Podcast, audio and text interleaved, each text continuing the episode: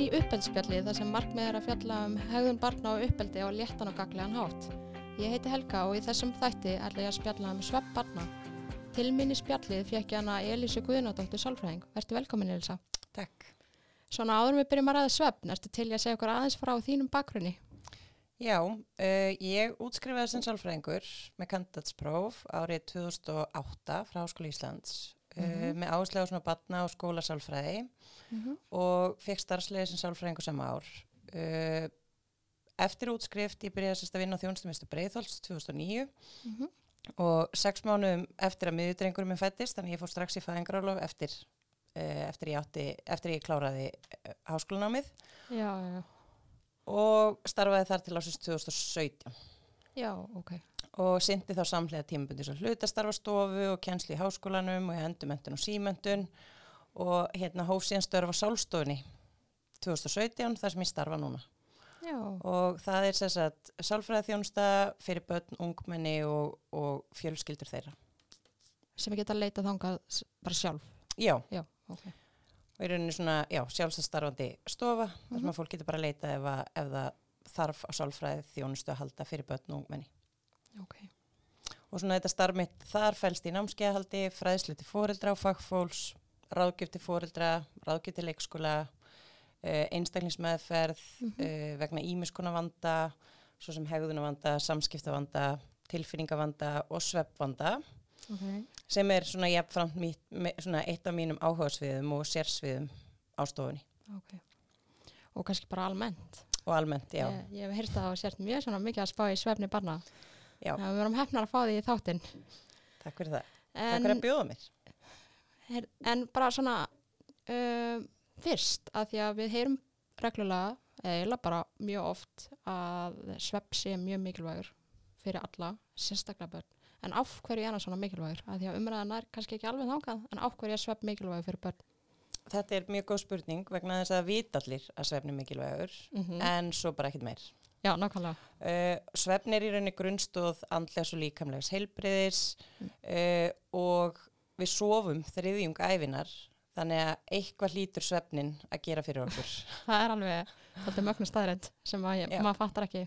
Nei, og í rauninni er það þannig að, að hérna, við myndum ekki lifa af ef við myndum ekki sofa og það er ímsa rannsóknir sem sína, sína það að það eru, það eru til dæmis einhverjir einhver þjóðflokkur eða ættflokkur sem er með svona erðasjúkdóm þannig að á ákveðnu, ákveðnum tímabili ákveðnu aldri að þá hættir fólk að geta sofið og það tekur ekki nema sex mánuði fyrir fólk að, sem sagt, fólk deyr eftir sex mánuði af svefleysi. Vá, það er Já. mjög magnað. Líka mann hættir í rauninni bara að starfa og fólk verður sko aldrað eða eins og það verði, það sem sagt verður bara ro rosa hröð hrörnun Já, og það endar í rauninni bara, ég man ekki hvað var, þrjá mánuði fólk bara búið eldast um sko líkamlega og andlega eins og um bara 20 ári eða eitthvað. á þreim mánuðum. Já, Vá, það er svakalegt. það er mjög magna. Þannig að er mikilvægur. Mm Mjög. En, en fyrir líðan og hægðun, skiptir það máli fyrir það? Já, börnum. það skiptir, já, og í rauninni skiptir það líka máli fyrir, fyrir það, það er rosa margt sem gerist í svefni og svefnin er í raun og veru fyrst og fremst virtferli. Eh, svona almenningur hugsa um svefn, eða svona flestir myndi halda þó sé kannski aðeins að breytast, hugsa um svefn sem bara leið til þess að taka burtu þreytu tilfinningu. Já, ég held að það sé mjög alveg fint.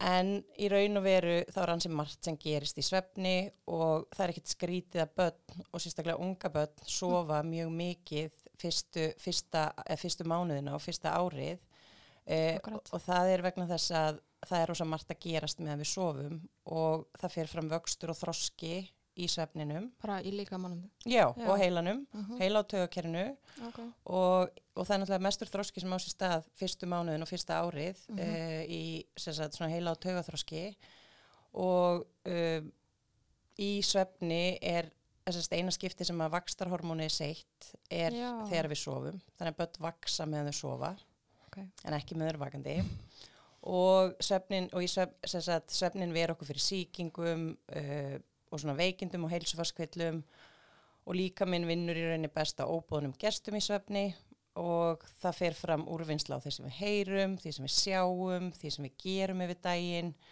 ok. og mersta úrvinnslan og kvildin á sér í rauninni stað fyrir miðnætti þannig að, þannig að allar upplýsingar sem að börn afla sem er ansi mikið, sérstaklega fyrstu árunum Já, það sem- já, er já. magn. að, að það er unnið úr þeim á nóttinni Já, og Það- mest þannig fyrir miðnætti eða? mest fyrir Já. miðnætti, það sem er unnið úr þeim en síðan gerist margt líka eftir miðnætti þannig að það er í rauninni ekkit eitt svefnstig eða eitt tími af svefninum sem er mikilvægastur Nei, nei, nei, Eh, það er bara með upplýsingarna fyrir miðnætti. Já, það eru upplýsingarna fyrir miðnætti og svo er í rauninni alls konar, all- alls konar önnur minnisförsting og önnur Mhm. úrvinnsla sem ástað setni hluta nætur. Ok. Og svo náttúrulega hefur svefnin áhrif á einbyttinguna þannig að svefnin gera okkur svolítið betur í stakk búin til þess að taka við upplýsingum uh, sem við fáum yfir daginn. Þannig að, þannig að það er svona forsendan fyrir því að sérst, það að vera vel út sofin er forsendan fyrir því að taka við upplýsingum Já, já. sem að síðan eru festar í minninu meðan við sofum. að. Þannig að og fyrir líðan og hegðun skiptir náttúrulega svefnin gríðalegu máli vegna þess að svefn, góður og endurnærandi svefn Mm. eigur líkunar á því að við tökum skinsamar ákvarðanir Já, nákvæmlega. Og hérna bregðast við erfiðum aðstæðum á svona hjálplegan hátt og, og þá komum við svolítið inn á tilfinningastjórninni Mm að því betur sem að því betri svepp sem börn fá -hmm. því auðveldra eiga þau með að stjórna tilfinningu sínum yfir daginn. Og bara öllum tilfinningum þá, eða, Í rauninni já. já, Uh, að því að það er, það er ekki, að því að í rauninni á sér líkast að úrvinnsla á tilfinningum meðan við sofum, þannig að, þannig að það hefur áhrif á, á færninbarna til að skilja tilfinningar, takast á við Mm. tilfinningar og vinna úr eigin tilfinningum og í rauninni gera það náttúrulega líka verkum að taka betur eftir Mm. því sem er í gangi kringum þau, þannig að þau eru líklega til að fylgja fyrirmælum ef við erum að hugsa um Já. já, akkurat. Þannig að það er svona, það er svona, það er svona ímislegt sem að bæði varandi hegðun og líðan og, og vöxt og þroska sem að Já. svefnin Mikilvægt. Svefni er greinlega mjög mikilvægur, ég held að það Já. sé allar að niðurstaðan. Já, það er niðurstaðan, niðurstaðan úr þessari spurningu. Já, nákvæmlega. En hvernig, þetta sem þú varst að segja, hérna, hvernig er hægt að útskýra þetta fyrir börnum? Af því að þau heyru örgulega oft eins og við hinn að svepp sé mikilvægur, en Mhm. vita kannski ekki alveg af hverju eða Mhm. skilja það ekki Mhm. eða átt sig ekki á því. Hvernig er þetta að útskýra fyrir þeim á svona mótiverandi eða hvetjandi hátt? Uh, það er í rauninni kannski bara, það er, það er margar leiðir til þess, Ok, uh, en, en hérna, svona besta, besta leiðin til þess er að, að tala um bara e- ein leið, ok, það eru margar leiðir, ok. ein leið er að tala um hvað gerist í heilanum. Mhm. Bönnum finnst oft mjög gaman og, og bara fólki almennt að þegar maður tengir eitthvað sem er í gangi, eitthvað sem maður þarf að gera við heila, heila starfsemina. Ok, Þannig að það er þetta útskýra fyrir þeim að framheilin, það er að segja heilin, það, sem er hérna fremst hérna á Mm. ennisvæðinu og þar, mhm, eh, að framheilin, það sem gerist í framheilanu þegar við erum að fara að sofa áður en að við sofnum er að það dregur úr virkni framheilans. Þannig að framheilin hjálpar okkur að taka skinsamar ákvarðanir og leita lausnum og, og, Mm. og velja lausnir sem eru, sem eru góðar lausnir. mhm, Eh, þannig að það á ekki bara við þess að tvent sem að skipti máli með svefnin með, sem er að nota hvað það varðar er að annars vegar að þegar við erum að fara að sofa eða þess að þegar líður á svefntíman þá dregur úr virkni þarna. Þannig að börn Já. eiga svolítið til að tala um áhyggjur og vandamál og svona þau fara að sofa. Og vera kannski svolítið, svolítið tæp ef maður lefur sér að nota það orðalag. Já, þau stuttur þráður og svona. Já, þannig, að, hérna, þannig að það er þetta útskýra fyrir þeim að áður en þau sopna sjálf Já. að þá er eiginlega framheilin þeirra þessi, þetta svæði heilanum sopnað. Já, já, já, það er mjög góða punktur. Já, þannig að það þýðir ekkit að vera að ræða áhyggjur og annað á svepptíma. Mm Eh, en hins vegar er þetta að tala um nákvæmlega þetta sama hvað var þar bara daglegt líf, að svefnin er mikilvægur fyrir okkur Mhm. til þess að við getum, til þess að þetta svæði í heilanum sé nógu vakandi, Já, svo við já. getum tekið skinsamar ákvarðanir, stjórna tilfinningunum Mhm. okkar og svo framvis. Og svo er náttúrulega þetta að tala um það við börna þau stækka í svefni, þannig að sum, Mhm. sum, sumu krakkum finnst alveg ótrúlega hérna, mikilvægt að verða stór og, já, og er alltaf að miða sig við einhverja aðra. Eh, svo er þetta að tala um hvað er þetta að gera áður, hvað, þú veist, hvað, hvað gerist áður en við sopnum eins og ég var að tala um Mhm. og svo getur verið gott að nota bara myndlíkingar að, að, að, sagt, að tala um svefnin eins og uh, bara bensín á bíl Mm, bara hvað gerist ef að allt bensínið er búið hvað Mhm. gerist ef að við sofum og lítið það gerist það sama og þegar akkurat. bíl verður bensínlaus við hættum að virka Mhm. eins og við eigum að virka og svo er náttúrulega þetta tala um alls konar þetta ta- tengja við ofurheitur eða teiknimynda personur Mm. og spurja ok, hver, hvers konar ofurkrafta hvernig, hvernig myndi við komandi geta nýtt sér sína ofurkrafta ef Mhm. hann væri ekki búin að sofa neitt ef að, já, já, ef að það sem að gerist meðan við sofum er að við hérna, það tekur upp þreytu tilfinningu það endunar í líkamann já, já, og svo framvegs og svo er rosa mikilvægt að tengja sérstaklega með úlinga að Mm. tengja svona útskýringar eða, eða umræður um mikilvægi svefns við hvað ég segja, við áhuga þeirra eða markmið Já. þannig ef að, ef að einhver úlingur eða sem sagt foreldri á úlingstúlku eða úlingstreng sem að hugsa mikið um útlitið Mhm. eða langar til þess að hérna, eignast kærustu eða ákærustu mm Mhm. þá er að tala um hvernig, hvernig svefnin hefur, eða svefn, lí, oflítill svefn hefur Mhm. áhrif á útlit já, já, e, og það er í rauninni rannsóknir sína þar að það er nóg ein sveflus nótt Mhm. og svo þegar þess að tekja mynd af fólki þegar það sefur nógu mikið eða Mhm. eins og, eins og æskilegt er með þeirra aldur og svo þegar þau sofa oflítið Mhm. og annað fólk er síðan fengið til að meta myndirnar út frá því hversu aðlægandi viðkomandi er. Ok, og það er, er sagt munur þar á að fólk Já. sem að hefur sofið lítið, bara eina nótt vá. að það er metið minna aðlægandi heldur en já, ég held að þetta getur virkað fyrir mjög marga úlinga já, ég hugsa það sko. Mm. og, og hérna, og svo líka bara þú veist, að geta sínt kærustun eða kærastanum aðtigli já, já, eh, vera, þú veist, ekki með stuttan þrá þurfu ekki að vera að leggja svo daginn þannig að hafa Mm. nú tíma til þess að vera með mhm. viðkomandi- Og og svo er náttúrulega að tala um sko hvað áhrif svefn hefur á holdafar Mhm. uh, að því þegar við erum þreytt þá sækjum við orkuríkari mat, Mhm. óhollari mat Mhm. og það eru tengsl milli svefn erfileika, svefnleysis og offitu það er ekki, Ok. ekki orsakasamingi en það eru tengslan á milli Mhm.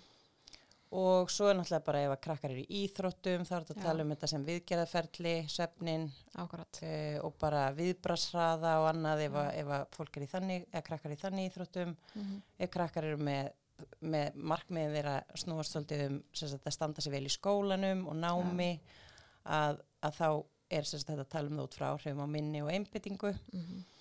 og síðan er náttúrulega vinir ef, ef, að, ef að þau sagt, er mikið að, sagt, að pæla í því að er svona aðal markminn þeirra e- er að eiga góða vini, e, ganga vel í samskiptum e, að þá getur verið gott að ræða bara áhrifin á, á félags- og tilfinningafærni Mhm. hvað, hvað, að, að, að svefn hefur mjög mikil að það áhrif bregðist þá ekki eins of ykt við eða eitthvað dramatist við eða eitthvað þannig algjörlega. já. Þannig að það er svona alls konar leiður og það í bókinni hérna Vævi Sleep Mhm. uh, ég held að hann heiti Vævi Sleep Unlocking the Power of Sleep and Dreams eftir Matthew Walker Mhm. að þar er fullt af svona skemmtilegum dæmum til að hvet, ræða þetta við já, hvetja ef að, þetta- já, já, þannig að fyrir áhuga sama eða bara, það er bara allt um svefni í þessari bók og Ok. ótrúlega mikið og þetta er svona skrifa á mannamáli Mm. eh, og svona ótrúlega mikið verið að vísa í rannsóknir og svona skemmtilega rannsóknir sem er hægt að nota þá sem að, sem að fóreldra geta nota eða hafa áhuga á að kynna sér efni í þessari bók Já. til þess að mótivera sérstaklega úlingana sína til Já. þess að sofa mjög snið nóg. mjög snið, já nákvæmlega svo nóg en hérna um, svo við, einmitt þetta svo nóg, hvernig er hægt að meta eða svona uh, já, bara meta hvort að bann sé að fá nægan nóg mikinn eða og nóg endur nærandi svepp Mm, bæði lengdin og gæðin í rauninni já, það er í rauninni, það er svona nokkrar vísbendingar sem að maður getur hort til þegar, Ok. uh, þegar maður er að velta fyrir sér, ok, er barnið mitt að sofa nóg? mm -hmm. uh, svona þumalputta reglan er að Mm. ef að barni er velfungerandi, ef það getur tekið þátt í daglegu lífi, ef Mhm. það getur haft svona þokkalega stjórn á tilfinningunum sínum innan Mhm. marka, Mm uh, allavega leist vandamál og svona á, á svona hjálplegan hátt, að þá er það að fá Ok. nægan svefn. Uh, eru, og svo eru alls konar vísbendingar sem maður getur hort til, þú veist, Mm. ef að barni er óeðilega þreytt á daginn, uh, ef það er að gispa, ef mikið Já. lokar augunum, uh, Ok. á erfitt einhvern veginn með að koma sér að stað uh, taka þátt í alls konar aðtöfnum, leikjum uh, er svona, svona slen í eða mikill pyrringur uh, eða, og mikil hreyfivirkni hjá ungum börnum. Mhm. að því að, að því að þegar börn verða þreytt þá verða ekki sljó eins og fullanda fólki eða svona sefið heldur verða þau ör. Já, já. eins og þau séu bara, ég og veit það leggjast ekki. kannski gólfið og fara í ykkur svona látalæta á gólfinu. Já, eða bara hlaup út um allt eins og Já. brjálæðingar og, og þú veist, og svo getur það verið kennari kvartar, ég er að batsopna í tímum, batsopnar í stuttum bílferðum, e, úlingur tekur, er að leggja sig á daginn, mm, mikið, e, það er erfitt að, ef það er erfitt að vakna á mótnana, já, barn er að mæta og sent í skólan, barn, það er einhverja fjárvistir, námsárangur að dala, það er alls konar svona vísbendingar, barn hættir að hafa áhuga á mæti íþróttir eða er Já. of þreytt til þess að taka þátt. já, já, einmitt. Uh, og svo er hægt að líka svolítið að, að, að, þú veist að ef, ef barn er mikið sagt, að kvartum eitthvað í líkamannum og svona þá getur Mm. það verið vísbendingu um að barni fá ekki næ, annarkvort ekki nógu mikinn svefn já, eða svefnin sé ekki endunærandi þannig að já, já, það er ekki verið að gera við og byggja upp uh, vöðva og, og annað í svefnin. Mm. þannig að svona, það er svona ímislegt sem er hægt að fylgjast með en spurður líka með lengdina eða hvað? Uh. Já, ég var, al, ég var sem sagt bæða að spá bara hvort það væri eitthvað svona vísbendingar eins og varst að tala um sem maður getur haft í hug mhm. um hvort að barn var að fá nóg langar Mhm. svefn og nóg endunærandi svefn. Mhm, mhm. En þetta kannski bara myndi gefa til kynna að það, ef eitthvað þessu var til staðar hjá barninu sem varst að nefna þá var kannski, já, annarkvort var ekki að fá nógu langan eða ekki nógu endunærandi eða bæði. Já, Eða hvað, jú, einmitt. Getur verið, þetta getur verið vísbendingar, en auðvitað er þetta náttúrulega vísbendingar Já, og það er akkurat. margt sem þarf að huga að þegar kemur á svefni. Já, já, akkurat. En samt gott að, að vita af þessu þannig að maður geta allan spáð í því. Já, er barnið að sofa nú ef það er að sína Já, eitthvað að þessu að tala um. En eru til ykkur svona, eru ykkur ákveðni þættir sem hafa áhrif á sko lengdsveps og gæði? Stort er spurt. Er kannski Eh, hellinga þáttum? Það er ansi margir þættir. Eh, svefni er í rauninni eðlilegt ferli. Þannig að, Ok. þannig að við fæðumst í rauninni með hæfileikan til þess að sopna, hæfileikan til þess að haldast sofandi, Mm. eh, við fæðumst með hæfileikan til þess að svæfa okkur sjálf þegar við vöknum og rumskum sem er eðlilegt og það er mjög mikilvægt að, að foreldra sérstaklega átti á því að það er eðlilegt að rumska svona fjórundi sexinum á hverju einustu nóttu, Án þess að munur kannski ekkert eftir því sjálfur. einmitt, Já. án þess að mun eftir því Já, og án þess að mér sé að bat sem að virðist sofa alla nóttina það er samt að rumska fjórundi sexinum já, ok. en það er þá bara ennþá með hæfileikan til þess að svæfa sér sjálft það er enginn sem tekur eftir því en þetta er í rauninni eðlert ferli það er alls konar breytingar sem verða í líkamannum í aðdraðandasvepsins, það eru breytingar sem verða í líkamannum á nóttinni Mhm. förum í gegnum ákveðum svepstig þannig í rauninni þetta er svona innbyggt í okkar kerfi Mm. eh, Að geta þetta í rauninni. já, að geta sofið svo er í rauninni alls konar þætti sem hafa áhrif Mhm. annars vegar erðir Ok. og hins vegar fullt, fullt, fullt af umhverfstáttum Mhm. Eh, við getum ekki breytt erðunum en, en þegar við hugsaum um erðir þá getur það verið bara sum börn fæðast þannig að þau eiga auðvelt með að sopna önnur eiga erfiðar með að sopna Ok. sum börn sofa létt önnur börn sofa fastar Mhm. Þannig, og þetta er alveg eitthvað sem er mikilvægt að hafa í huga þegar að síðan það verður til einhver svefn vandi eða einhver svefn erfileikar Já. við getum ekki haft áhrif á þetta en það er gott kannski að hafa það í huga Mm. eh, síðan er alveg fullt af hlutum og hérna eh, til dæmis bara það sem að hefur alveg hellingsáhrif eru náttúrulega veikindi veikindi hafa áhrif á hvernig Ok. við sofum þannig að þegar við erum veik þá sofum við verð Mm. heldur en þegar við erum hress og er náttúrulega veikindi eru algeng hjá ungum börnum Mm. þannig að það er í rauninni eðlilegt að það komi tímabil þar sem að börn eiga eða sofa minna Já, já. og fá ekki eins endurnærandi svepp. Það er ofta að vakna upp. Já. Þannig að það er eðlilegt að komi stutt tímabil Mhm. svefn erfileika hjá börnum. E, það sem hefur ofnæmi getur líka haft áhrif ef börn þarf að nota eitthvað lif Mhm. e, og af því ég var að segja áðan með, með erðirnar þá getur skapgerð líka haft áhrif e, Já, ok. börn sem að eru viðkvæm Já. bara svona almennt svona, hérna, svona tilfinningarlega næm þau eru Mm. næm á breytingar í líkamannum Mm. þau eru næm á alls konar árit í umhverfinu Mhm. þau eru sagt, eiga oft erfiðar með svefn heldur en börn sem eru ekki eins næm Ok.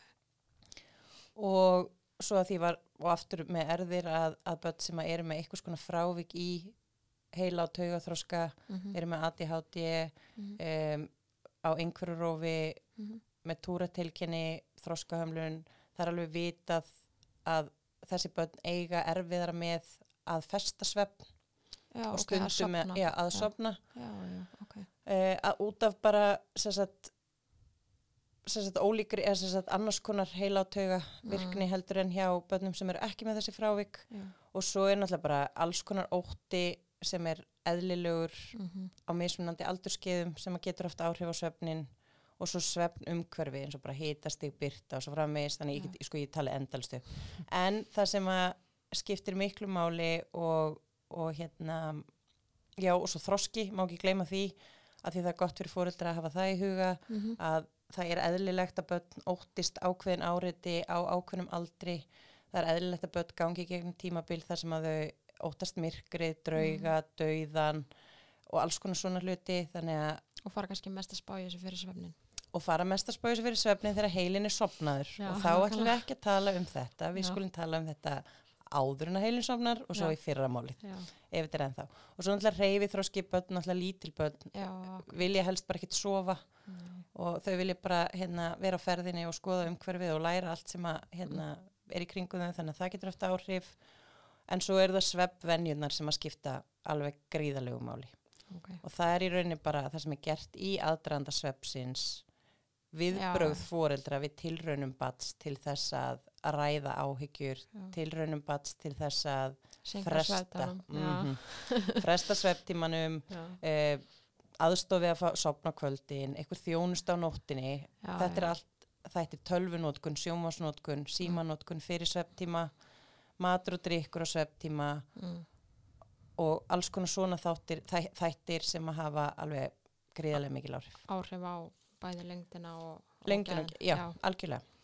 Ok, en þú myndst aðeins hann á uh, litlibörnin, uh, Mhm. þau sem eru ennþá að taka daglúra, þannig að Mhm. mm kannski þryggjára á yngri eða Mhm. mm -hmm. kannski mismandi hvernig það heita. Er Mhm. eitthvað sem er mikilvægt að hafa í huga varandi hanna því maður heyrir svo ofta fólk er eitthvað að stýtta hann til að reyna að fá betri nætisvefni eða lengjan eða þú veist, það er alls konar útfærslur á, því.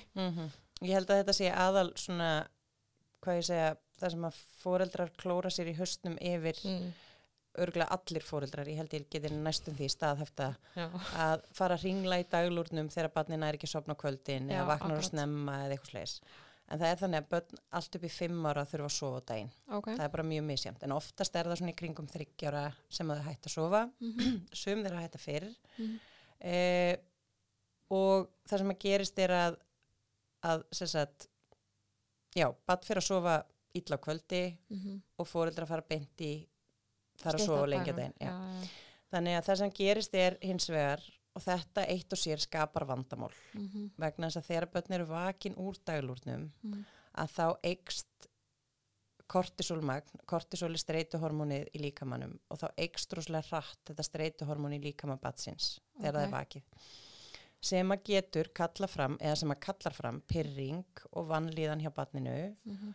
eirðaleysi og einbyttingaskort Mm. Og síðan heldur þetta kortisólmagn áfram að byggjast upp í líkamannum að því að það, það sem sagt, þegar við verum þreytt og þegar Mm. við þreytumst að þá sem sagt, eikst framleysla kortisól, Já, já. streythormónsins. Ok. Þannig að þegar að síðan kemur að háttatímarútinni Mhm. þá erum við með ekstra pyrrað bad, Akkurat. bad sem líður mjög illa, Mhm. það á rosa erfitt með að því að framheilin er bara ekki að fungera eða Mhm. virka nóg vel. Erfitt með að bregðast við alls konar mótlæti, kröfum og annað. Mhm. Þannig að þá eru háttatímarútínan erfiðari, erfiðari fyrir barnið að sopna kvöldin, Mm. erfiðari að vakna morgun eftir Mhm. og vítarhingur er fann að myndast. Já. Fóreldrar taka daglúrin af, barnið þarf ákvörð á þessum tímapunkti að sofa meira yfir daginn Já. vegna Það svaf lítið um nóttina. það svaf lítið um nóttina Já. og hérna og svo ef það er lengi að sopna, já, þá þarf að, þú veist, og já, þannig að það er, það verður hann að svolítið vítarhingur sem Mm. gerir það verkum að daglúrin er stittur Mm. en það tekur samt ekki stittir tíma að sopna Já. á kvöldin. Mhm. Þannig að það sem það er að gera í staðin er börn, ef, ef börn þurfa að sofa daginn, Mhm. þá sofa þau á daginn. Ef þau þurfa ekki lengur að sofa daginn, þá hætta þau að sofa daginn. Mm. Og þetta, í flestum tilvikum gerist þetta sjálfkrafa. Bara alls og alls er, já. Já. ok. Þannig að það sem að ef að það er erfitt að sofna kvöldin Mhm. og barn er að sofa daginn, þá þarf fyrst og fremst að skoða, ok, hvernig eru sveppvenjunar? Er, er allt eins og það á að vera áðurni farið að sofa?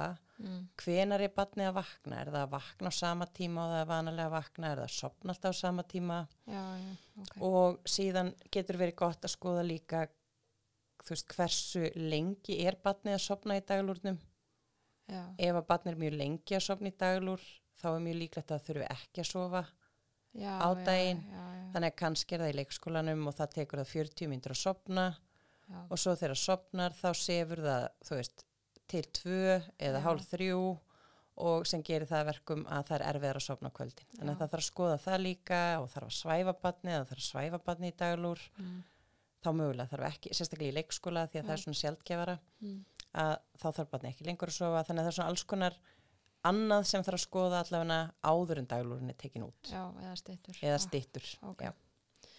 En eru til einhver svona viðmið, bara að því að þú varst að tala um hana lengdin og Mhm. daglórnum og svona, eru til einhver viðmið fyrir uppalendur um sko lengd eða magn sveps og gæði?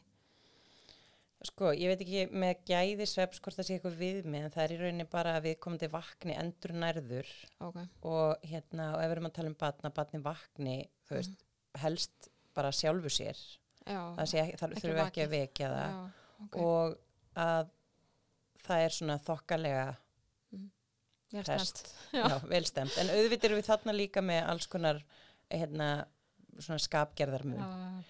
Um,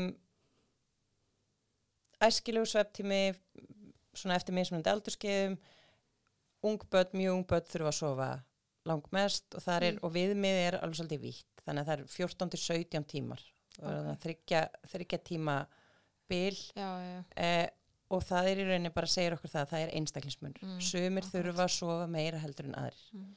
en það er gott að hafa svona viðmið í huga og hugsa alltaf kannski neðri mörkin að barni sofi allavegana þar sem nefnur neðri mörkun Já, góða búndur.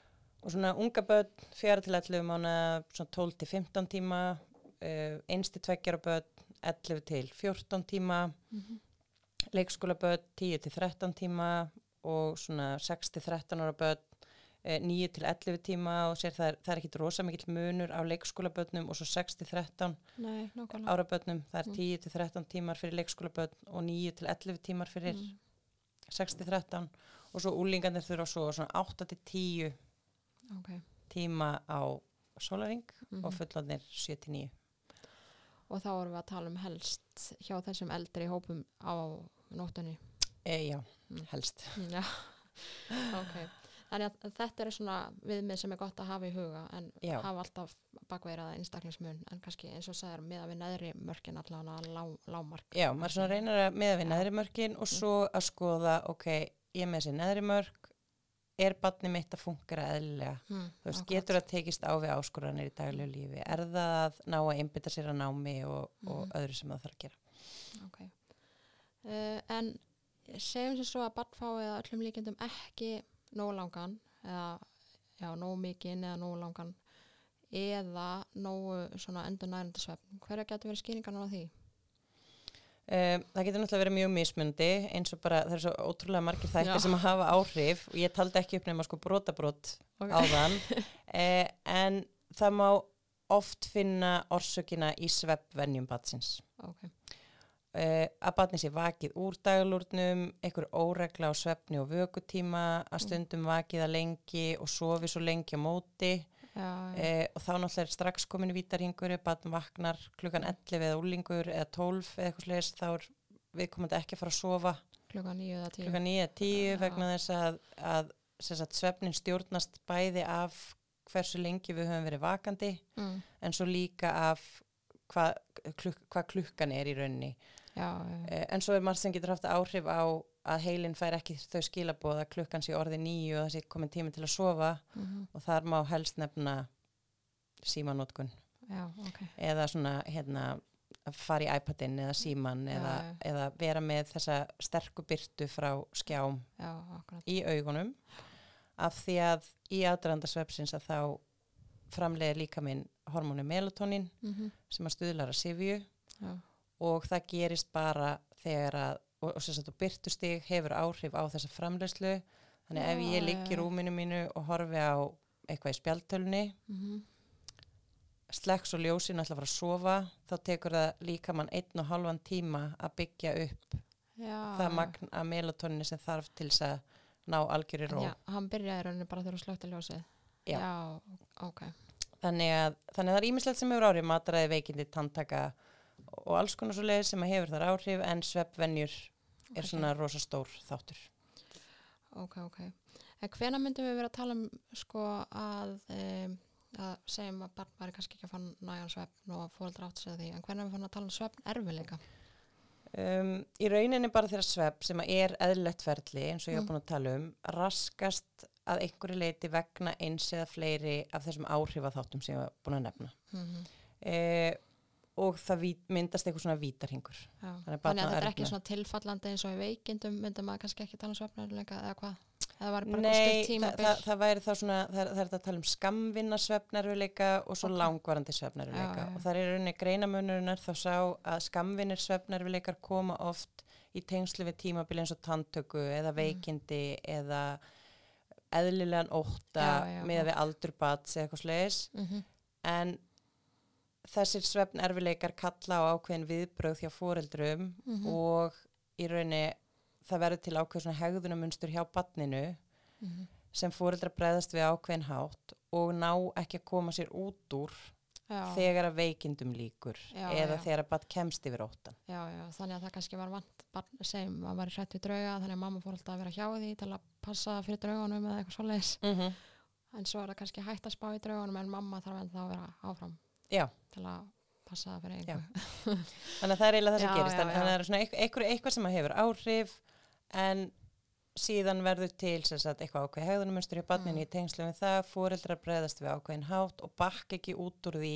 mm. og þá var það svona langvinnir eða, Já, þá myndum maður að tala um lang, svona langvarandi Mm. svefnerfileika. ok en eru eru svefnir flokkar í eitthvað ákvað tegundir eða eitthvað svoleiðis Um, það er í rauninni bara byrtingamönd og eðli er mjög ólíkt og, hérna, og stundum getur verið vandi með fleira en eitt en svona algengustu hérna, svona algengasta byrtingamyndin er erfileikar á háttatíma. Ok, það er, flokka það, það er flokkað undir svefn erfileika. Mhm. þar sem þeirra börnir að koma fram kalla e, neyta að fara að sofa, leika sér. Mm. e, það er líka annar flokkur er börn sem eru lengi að sofna. Ok, e, stundum vegna þess að þau er ekki orðin þreytt þegar þau eru sett upp í rúmið, þau eru sett of snemma í rúmið. Mm e, og oft vegna þess að þau eru kvíðin, það er ykkur ótti á sveftíma já. E, börn þurfa aðstofið að sopna kvöldin það er annar flokkur í rauninni eða annars konar byrtingamynd e, þau vakna ofta á nóttin og þurfa aðstofið að sopna aftur. Mm. það er líka e, svona eitt flokkur svefnaruleika Mm. börn sem koma upp í eða sofa upp í. Það er líka Mm. þetta flokka það sem svefnaruleika Mm vakna og snemma, sofa óreglulegum tímum og svo eru svona annars konar svefnaruleikar sem eru svona flóknari Mm. sem að er eins og nætróknir eða nætterror. Uh, börn sem eru að vakna alveg bara hágrátandi Mm. uh, svona næturvæta eða börn sem eru að pissa undir á nóttinni já, og martraðir, það eru svona annars konar svefnaruleikar já.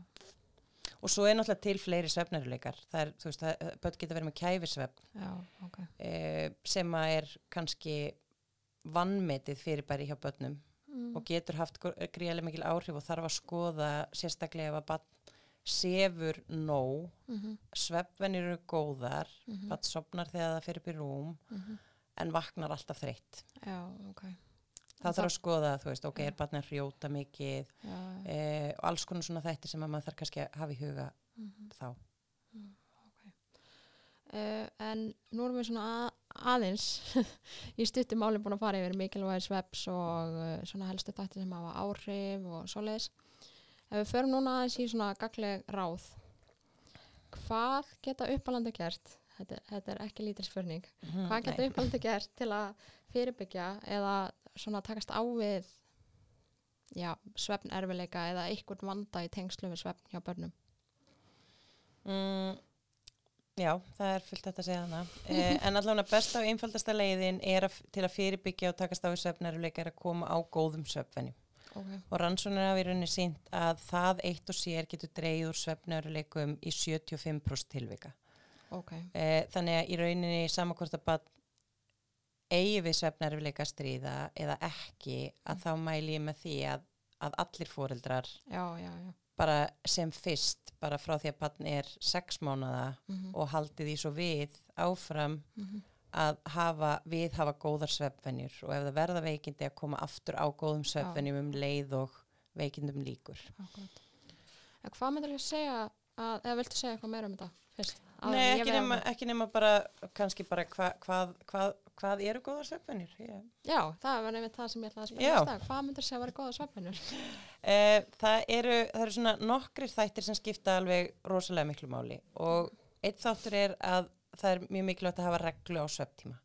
Ok, bara Að- klukkan hvað að fara að sofa og... Já, og hvenar er vaknað. Ok, Þannig að þegar, sérstaklega ef um svefnerfileika ræða, þá þarf að hafa stilla þennan, þetta mjög fast. Þannig að bara fer að sofa ákveðin tíma og það vaknar ákveðin tíma.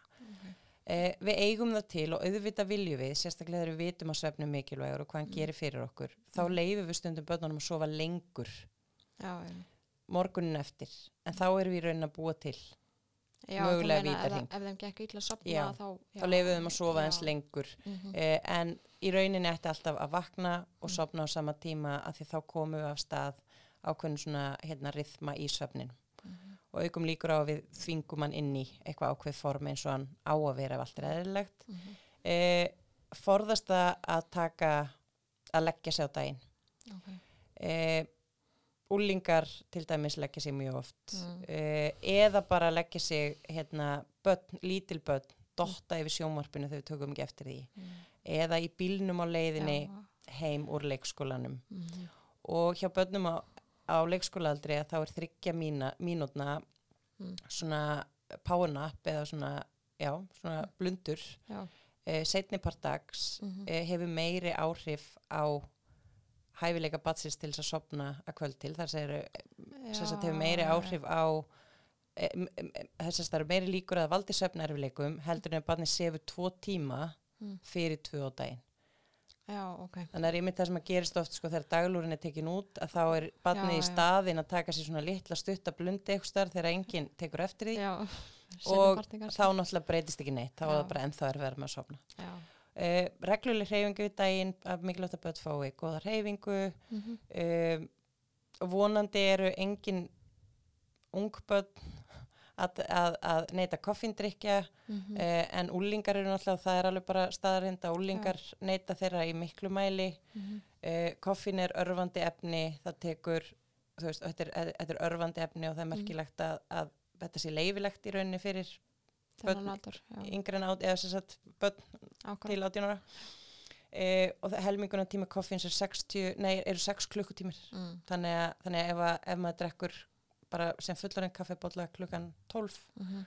að þá er helmingurinn af koffínmagninu farin úr klukkan 6 Akkurat. þannig að ef að úlingar eru eða börn eru að drekka neyta einhvers konar koffín Mhm. uh, koffins í einhverju, einhverju formi að passa að það sé ekki eftir háti uh, reglulega máltíðir mikilvægar. Mhm. uh, engin skjátími það er svona mikilvægast myndi ég segja í dag í svona nútíma samfélagi helst tveimur tímum fyrir svepptíma Ok. þannig með ungbötna þá er gott að hafa þá reglu að það er ekkert og ekki einu sem sjómarp þá. Ekki sjómarp, Bara engin skjár. engin skjár eftir kvöldmat eða eftir sex eða eitthvað svo leis Mhm. uh, passa umhverfi, svepp, sveppn umhverfi sé svona sveppvænt að það sé hæfilegt hitastig. Ok. það sé Hvað myndir nótin segja að vera hæfilegt ekki svona sirka? um, ég ætla nú að vona að fólk verður samt ekki alveg að mæla það. Ég, ég, veistu, ég áttum ekki eins og á því. Það er bara að það sé svona pínu svaltin í herbygginu Já, já. uh, það sé gott súrefni. Mm. það sé ekki of þungt loft, það má ekki vera of heitt því svo erum við líka með sængur. Já en það má heldur ekki vera kalt þannig að þú veist, barnið skjálfi eins og hrísla. Mm. Uh, þetta er eitthvað sem að ég held að við finnum þú veist, ef barn vaknar sveitt á mótni þá er greinilega of heitt í herbygginu Já, akkurat. Ok. um, geima sjómarp, tölfur öll, öll tæki utan svefnubergis Mm. þá ekkert svo leiðis að vera inn í svefnuberginu og það er góð regla að foreldrar eru fyrirmyndir barnana sína þannig að það Mhm. er góð regla að allir fjölskyldu með, meðlimir Mm. geri það sama að það eru bara ekki tæki inn í Já, svefnubergjum Þannig að þeir fóreldra séu heldur ekki með það inn í á sér. nei. Ekki, ekki allavega já, og, þeir eru náttúrulega fyrirmyndir þannig ef að börnin sé á foreldra sína í símanum upp í rúmi þegar að fara að Mhm. sofa þá náttúrulega gera þau bara eins uh, og svo er það að hafa svona róli heiti aðdraðandarsvepsins Mm. um, að því þá hægist á virkni líkamanns og það dregur úr hérslætti og, og öndun Mhm. hægist og svo framvegis þannig svona klukkutíma fyrir svepptíma er gott að koma á svolítið svona, svona ró Mhm. um, hvað segja, svepprútína alltaf með svipuðum hætti Mhm. það er gaglegt að hefja hana 30 myndum Mhm. áður en að á að fara að sofa og hún getur til dæmis verið að hátta eða sérst í rauninni ég mæli með því að sé alltaf svona róleg stund Ok. eftir kvöldmat Mhm. þar sem að er kannski búið að skipulagja eða ræða eða ákveða með barninu Mm. hvað á að gera Mhm. og það getur verið að lita eða spjalla eða púsla eða perla eða, eða veist, teikna myndir eða Mhm. eitthvað svo leis Mhm. lesa bók saman, skoða bækur e, þannig að barni ná einhvern veginn ró Mhm. áður en ég farið í háttatíma rútína Já. af því það eigur líkunar á því að barnið sé tilbúið að koma Mhm. þegar það á að fara að sofa um, svepptímin á að vera vandamál og áhyggjulust tími Mhm. þannig að við ræðum áhyggjur eitthvað annar starfin í rúminu Mhm. ekki rétt fyrir svefnin og börn eru mjög gjötn á Mhm. að ræða vandamál og áhyggjur á sveftíma ekki endilega því að þau hafa áhyggjur Nei. á sveftíma heldur vegna þess að þau komast mjög fljótt að því að þau geta haldið fóröldur sínum lengi á rúmstoknum Já. þannig e, og rúmið á yngunga vera svefstæður Já. bara að sofa í rúminu helst ekki vera að leika sér Mm. þar Mhm. og svo er svona rosa mikilvægur þáttur er að eigða ekki tíma í rúminu vakandi Ok. vegna þess að ef að vegna þess að svefn er áritastýrður þannig að ef að sagt, við erum vun að vera vakandi í rúmin okkar eða vera len rosa lengi sopna eða barni rosalega lengi sopna Mhm. að þá er það þannig að þegar að barni leggst upp í rúm að þá er rúmið orðið áriti fyrir vöku Já, en ekki já. svefn þannig að oft bara rýfur barni sig Já, sagt, akkurat. eða, eða veist bara vaknar viðkomandi þegar hann leggst upp í rúm Mhm. þannig að það þarf að, það þarf að vera sagt, er að hjálpa barnin að tengja rúmið við svefn Ok. En hvað myndir segja að maður ætti að leifa barni að vera lengi vakandi upp í rúmi? Þú veist, hvað var í, við að tala um bara nokkra mínútur eða ef við, ef við sjáum að þá er erfitt með að sopna það er svona 20 mínútur mm, myndi maður svona maður myndi helst ekki vilja að vera vakandi mikið lengur en 20 mínútur okay. um, en maður þarf samt að vera búin að huga að öllum öðrum þáttum áður veist, er það vakandi í 20 mínútur eða meira af því að það er að, að taka eitthvað stutta blundi já, akkurat. setnipartin, Já. er það lengi að sopna vegna þess að það var í skjá Já, rétt fyrir svefnin eða Þannig maður þarf fyrst- æfingu eða eitthvað svoleiðis. Já, nýkomuna æfingu eða eitthvað, þannig að maður þarf að í rauninni áður en að, áður en að maður ætlar að fara að skoða hvað barnið er lengi upp í rúmi, Mhm. það þarf að koma á þessum háttatímarútínan þarf að vera skýr og það Mm. þarf að passa þessa blundi og annað, þannig að, þannig að það er svona það sem skiptir mestu máli. Ok, en þú komst þannig aðeins inn á mikilvægi þess að hafa góða háttatímarútinu. Mm Uh, hvers vegna er það mikilvægt?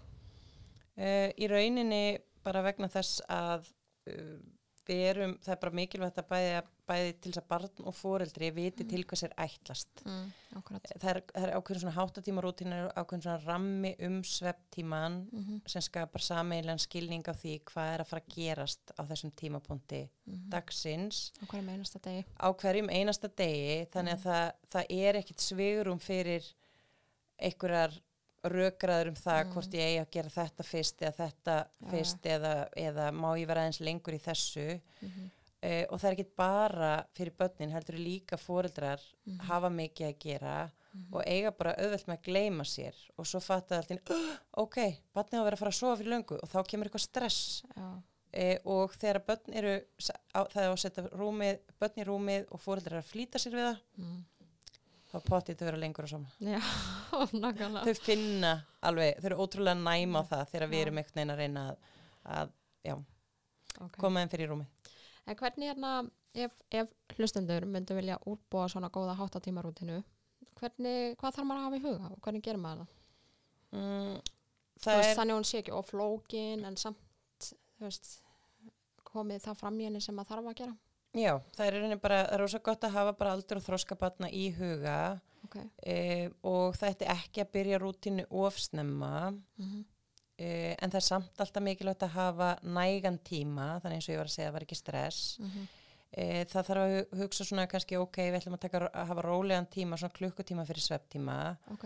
en með mjög ung börn viljum við hafa háttatímarútína mjög stutta Mm e, og helst ekki taka me meir en svona 10-15 mínútur eftir að það er farið í að svona hátta og, Já, já. og, og allt, all, allan þann pakka Akkurat. en fyrir svona aðeins eldri börn, börn á leikskóla aldri Mm. e, að þá er gott að háttímarútínan sé svona þetta hafa hu- hugsana sem svona hálftíma Mm e, þar sem að e, þarf að byrja á því bara að, að sagt, við erum kannski með sko hluti af háttatímarútinin er þessi rólega stund og þegar Mhm. rólega stundin er líkur þá höfum við svona hálftíma til þess að klæða okkur Mhm. úr fötunum, fara í náttföt, busta tennur, Mhm. pissa e, og það þarf að passa bara að eins og fyrir yngri börn og alveg jafnvel upp í sko, hvað ég segja, tíara Mhm. jafnvel, að vera með hana ekki bara skriflega, heldur að vera með hana sjónræna, vera með myndir Já, ok. og þegar það eru mjög ung börn þá sem, sagt, sem eru ekki farin að skilja myndir þá getur maður að nota hluti þannig að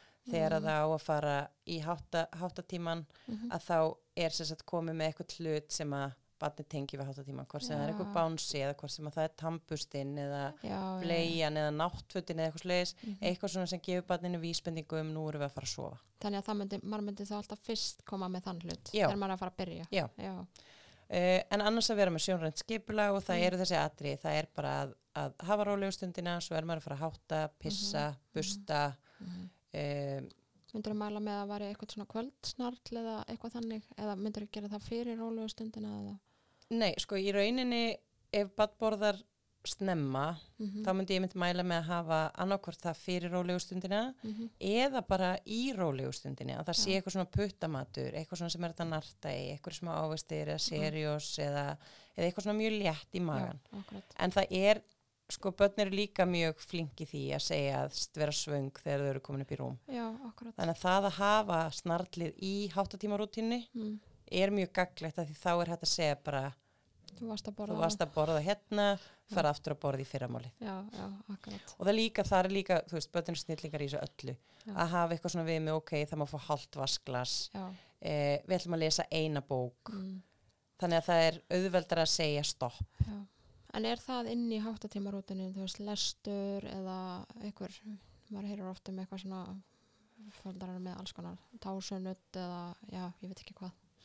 Er það inn í háttatímarútinu eða er það þegar hann er búin eða þú veist, hvernig myndir maður, það myndi vera í rauninni inn í háttímarútinni þar sem að háttímarútinan endar í rauninni bara á að það, er, er, eitthvað svona leikilorð eða veist, góða nótt sem þýðir bara nú er þessari rútínu lokið og ég Já. er farin fram Já, og þú að liggja hérna og fara að sofa já, akkurat. þannig að þú veist en ef, ef það eru svefnarfuleika ræða ef barna er upp með að sopna þá mæli ég með að meðan það er verið að vinna með svefnarfuleikana Mm. að allt sem að flokkast ekki undir svefn Mm. allar strókur, allt nutt eh, lestur og annað, það fari fram utan svefnubergis áður en er farið inn Já, mm, akkurat. en annars ef að það er ekki hafa neinn áhrif og bara sopnar bara og Mhm. þá er allt í lagi að lesa inn í herbyggi en það er líka hægt að hafa þannig að það lesi inn í hjónaherbyggi og svo er farið yfir í Já. herbyggi batsins þannig að það er, það er bara allt, allt að reyna að hafa í huga að sem sagt, það eina sem að gerist upp í rúmi er að batni er að fara að sofa Svo, já, akkurat. Ok.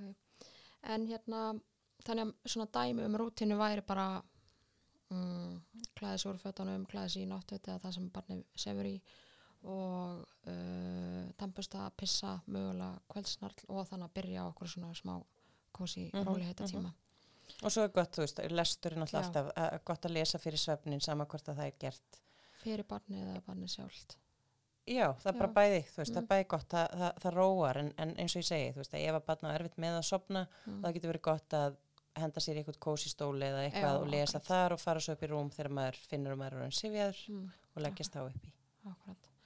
Um, hvað myndur þú segja að vera algeng vandamál sem geta komið upp í tengslu við svona háttatímarútinu?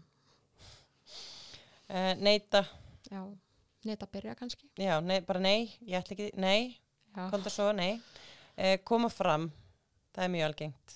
Þannig að það er búið að segja góða nótt Já, og þau koma já. fram aftur og aftur og aftur. mm, Uh, kalla ok. með alls konar leiðum, Mm, segja góða nótt, margsinnis eða ég elska þig. eða ég elska þig, já, um mitt. E, stundum eru þau að tjekka hvort við séum ekki örglega en það og þannig að þetta er, orðið, þetta er öryggishægðun sem að, þannig að þau eru sagt, og af því að við svörum að þau segja, ok, þá læra það, já, ok þetta, já fyrst ég kallaði, þá já, er hún hann ennþá. Ég verð að kalla til þess að vera alveg viss. Um að hann sé en þannig. um hún já, sé ennþá, ef ég kalla ekki þá mögulega fer hún, eða hann eða eitthvað slis, e, þurfa aðstóð þurfa að fara að kúka, það er mjög algengt. E, fá vatn, e, velja foreldri. Já, þannig að pappi ætlar að fara með barnið að sofa Já. og þá er það nei mamma. Þannig að það fer, þú veist, það frestast svepptímin að því að það fyrir að vera rifrildi um það. Já, ok. Þannig að í háttatímarútínu, ef þetta er vandamál Mm. þá er gott að setja inn sagt, hver fer með barnið hvaða dag Já, ok. þannig í dag er mamma að fara á morgun eða allavega að undibúa fyrirfram Já, já. Þannig Þannig að það að- er ekki bara þegar hátt á tíma rúti mann byrjar heldur eitthvað áður. það getur verið gott áður og það getur verið gott ef þetta er vandamál að vera með þetta áskipulagi Já, já, Bara bara á- ákveðna daga já, eða eitthvað svolítið. Já. um, já, hlaup í burtu Mm. leika sér í rúminu Já, og svona ímis ótti við alls konar Mm. áriti. Það er svona algengasta vandamálið í tengslu við háttímarútinu. ok. En hvað myndir svona, með að við, það er svona ýmislegt sem getur komið upp. Um, Erstu með gaglir á til að tækla þetta bara svona í mjög stöttum máli? Já, í rauninni bara plana. Skipulag skiptir öllu máli Mm og samræmi, samræmi á milli foreldra, að Mhm. foreldrar séu búinir að ákveða að gera hlutina eitthvað hátt, jafnvel með batnið og oft, oft getur verið gaglegt að vera með batnið með í ráðum, -hmm. eh, hafa skýra rútínu, vera með skýra væntingar til hvers ætlust við, Mm eh, gefa skýr fyrirmæli, -hmm. um, gefa barninu val ef að barn er mikið að neyta og svona hlaupi í burtu eitthvað Mm. að, að í staðin fyrir að segja að rútínan sé svona, svona, svona Mm. að gefa barninu val um hvort viltu byrja á hátta eða byrja að busta tennunar Já, ok. Eh, hvort viltu að ég busti þig fyrst eða langa þig fyrst að busta og svo busta ég þig Mm. alls konar svona sem að getur virkað, virkað vel Mhm. eh, fara með barnið inn Mm. aftur og aftur og aftur og aftur að það er að koma fram þegjand og hljóðalust Ok. e, og ef að barn er háð því að hafa fóreldri byrjar að kalla þegar fóreldri fer út e, eða að koma mikið fram að þá getur verið gaglegt fyrir fóreldri að setja upp ákveð svona plan þar sem Mm. að það dregur úr aðstóð smám saman Ok. og fjarlægir sig síðan smám saman út úr herbygginu Mm þannig að það getur verið allt svona. Og svo er rosa mikilvægt að kenna barninu færnina sem skortir. Þannig að -hmm. ef að barn getur ekki ef að barn er að kalla og koma fram og annað Mm þá þarf að kenna barninu hvað á að gera í rúminu. Þá Já, liggja, já, loka augum loka munni. Já. Og reyna orða það á jákvætt mm. sest, jákvætt, jákvætt, hafa það jákvætt orðað ekki í, stað, í staðin fyrir að segja ekki kalla, ekki koma fram Já, á, bara á þú veist að liggja í rúminu Já, loka augunum þínum Já. og munninum En- samt anda. En ef að barn er að kalla, hvernig er þetta bregðast í því? E, það er þetta að setja, það er alls konar það er þetta, að setja takmarkanir á Mhm. hrópuköll, það er þetta að segja, þú veist, að ba- barnið hefur ákveðin skipti sem það getur kallað Mm. E, og eftir það er köllunum ekki svarað um, það er líka að breyðast við í með því að, að sagt, og maður þarf að ræða það við barnið fyrirfram Mhm. ég er ekki að gera þetta til þess að vera leiðileg Mhm. heldur vegna þess að því oftar sem að þú kallar Mhm. og ég svara því oftar þarft að kalla Já, og því lengur ert að sopna akkurat. þannig að svo er, svo er þetta að gera samning við batnið um að kíkja inn til batsins Á hverju mínútan fresti. já, þannig, já, byrja bara strax þú byrja bara á mínutnum fresti, alltaf kíkja inn til batsins Mhm. og segjast svo ætla að skjóta stæðins fram aftur Mhm. og svo lengi maður það smám saman þannig að Já. batnið fer að treysta því að Þú kíkir aftur. þú kíkir aftur og þú ert hana Já, já, það þurfi ekki að kalla Já. að því að við sopnum ekki hvorki standandi, kallandi, talandi og það er mjög skemmtilegt að nota þetta á eldri börn Já, þegar þau koma og segja ég get ekki sopnað ok, hvort heldur þú sopni frekar? Standandi hérna að tala um mig eða liggjandi upp í rúminu já, já, akkurat. Og segja kannski bara alltaf það þegar þeir koma fram. já, það er mjög gott. Ég, hérna, ég nota þetta á 11 ára stráki minn. Hann kemur nú ekki oft fram en hann segir alltaf uh, mamma! Ok. og fer aftur inn í herbyggi sitt og sopnar um leið. Og kemur ekki aftur fram að því að hann veit að hann kannski fær aftur samansvarið. já, hann er, þú veist, það er engin aðtikli og ég segi bara, og, og bara svona þumalputta regla og það er eitthvað eitt ráð sem langar að gefa. Já, þið með ekki gefa börnunum ykkar alla aðtikli, knúsa, kissa vera Já. bestu fóreldra í heimi frá sjö á mótnana til átta kvöldin frá átta kvöldin til sjö á mótnana að þá ætliði bara helst að vera frekar leðileg. Mm, þið sáu þau, þurfa, þurfa þau að sofa. Já, þá Mm. þurfa þau að sofa mm. því að það er mjög mikilvægt Akkurat. og við erum ekki góð með því að fresta svepptímanum þeirra. Nei, Við erum góð með því að setja mörg akkurat á þessum tímapunkt. akkurat. Ok, um, hérna, þú minnst líka aðeins á aðan að barni geti tekið þátt í kannski að undibúa Mm hérna, eða þú veist, græja háttatímarútuna. Hvernig er það? Hvernig er hægt að gera það? Án þess að barnið sko farið að kannski að stýra þessu, já, ég vil bara fara klukkan að sofa á miðnætti og ég vil fá að snakka á hann fyrir að sofa eða skilur. Þannig að barnið geti tekið þátt en samt innan marka. Hvernig er hægt að gera það? Um, það er hægt að gera það. Það er svolítið að miða við þroska og aldur, Mhm. uh, svona hversu mikinn þáttu taka.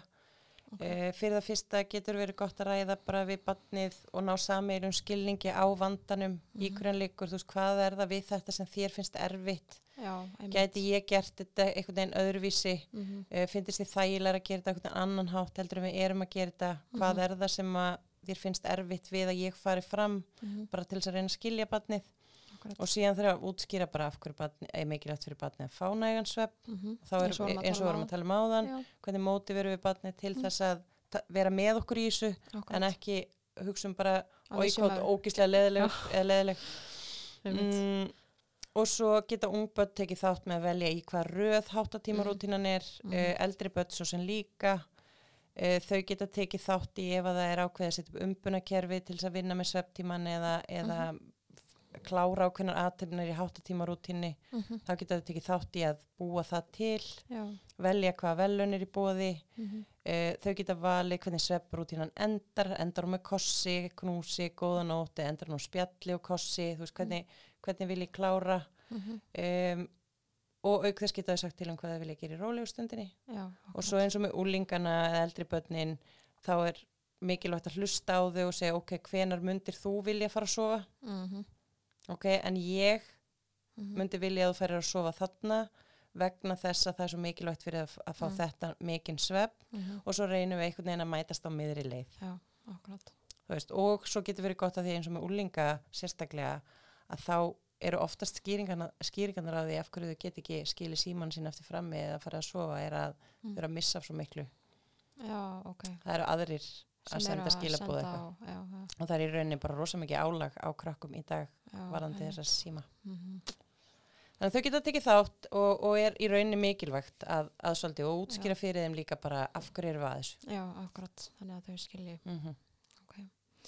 Um, takk hjálpa fyrir all, allar þessar gaglu upplýsingar. En svona að lokum, ef fólk er að spá eitthvað, vantar eitthvað upplýsingar um svefn eða mikilvægi svefs eða þyrti ráð með hvernig það geti unni með eitthvað svefn erfiðleika hjá banninu sínu, hvert mælur með að það liti eða finnu upplýsingar? Eh, Fyrir suma eða fyrir marga rauninni, ég hef alveg reynslu af því, gagnast, gagnast rosa vel bara að sækja sér fræðslu okay. um Ok. svefn og svefnarfileika Mm og í framhaldinu breyta svefnvenjum eins og ég var að tala um. -hmm. Og það er þetta að því að ég hérna fór yfir svona, ég fór svona nánast yfir allar góðu svefnvenjunar, að það er sagt á heimasíðu sálstofunar, Já, eh, sálstofan.is, þar er listi með sagt bara góðum svefnvenjum. ok. Þannig að það er bara rosa gott að byrja Mm eh, og setja upp skýra háttatímarútinu og kenna svo batninu færni sem að skortir, hvort Mhm. sem það er að sopna sjálft eða sofa í sín rúmi -hmm. eh, og við höfum verið að bjóða upp á svona fræðslu á Mm. sálstofunni, svona stutt fræðslu erindi eh, og líka í leik og grunnskólum sem bæði stjórnendur og fóreldrafílu hafa verið að fá okkur Já, já, já. til þess að halda Mm -hmm. Og svo er náttúrulega þetta sækja sér bara slíka fróðleik í bókum, Mm en ekki til mikið bókum á íslensku -hmm. Uh, mörgum hefur fundist fyrir yngsta aldurshópin bókin Draumaland eftir Örnu Skúladóttir. Mm. Sumir hafa geta nýtt sér hana, Mm. ekki, ekki endilega allir, hún hendar ekki öllum. Uh, önnur bók sem ég mæli með uh, heitir The No Cry Sleep Solution Mm -hmm. Og það er þetta nálgast hana bara á Amazon Mm -hmm. uh, fyrir þá sem að kjósa það. Og Svo varstu að tala um bókana áðan, hvað, Vævis slíp? Já, Vævi Sleep, hún er svona aðalega, hún er fullari smiðuð en Já, það er fullt af svona fróðleiki í henni. Mm -hmm. Uh, svo er náttúrulega bók eftir hann Erlu Björsdóttir, Já, uh, sálfræðing sem að heiti Svefn og þar er, þar er líka talað um allt þetta sem gerist í aðdraðanda svefnsins og annað uh, stuttur kapli um börn, ekkit Ok. ítarlegur, þannig að það er svona meiri fræðsla og svo ef það dugar ekki til, þá ef þetta dugar ekki til, svona almenn fræðsla og, Mhm. og að leita sér að efni í sjálfsjálfabókum, Mhm. að þá er alltaf hægt held ég að leita á heilsugjæslustöðar, Mhm. fá ráðleggingar þar, hvort sem er hjá hjúgrunafræðingum eða sálfræðingum. Eh, hjá sálfræðingum sveitafélagina Mhm. er oft gott að fara í, svona er gott fyrsta stopp. Ok. Uh, Landspítalinn býður upp á fyrir fóreldra ungra batna, svona sveppráðgjöf og svo eru sálfræðingar á stofu. Ég svo sem veit ekki alveg hversu margir er að sinna uh, sveppráðgjöf Ok. uh, en svona flestir eða ansi margir sálfræðingar ætti að hafa Mm. svona á, ágætis grunn Já. í því Mhm. uh, og geta ráðlagt allavega upp að einhverju marki Mm. og svo erum við á sálstofunni þá erum við alveg með góða þekkingu Mm. og reynslu af því að einstaklingsmiða uh, svona já. og plan fyrir börn og fóreldra í samráði við þau. Ok.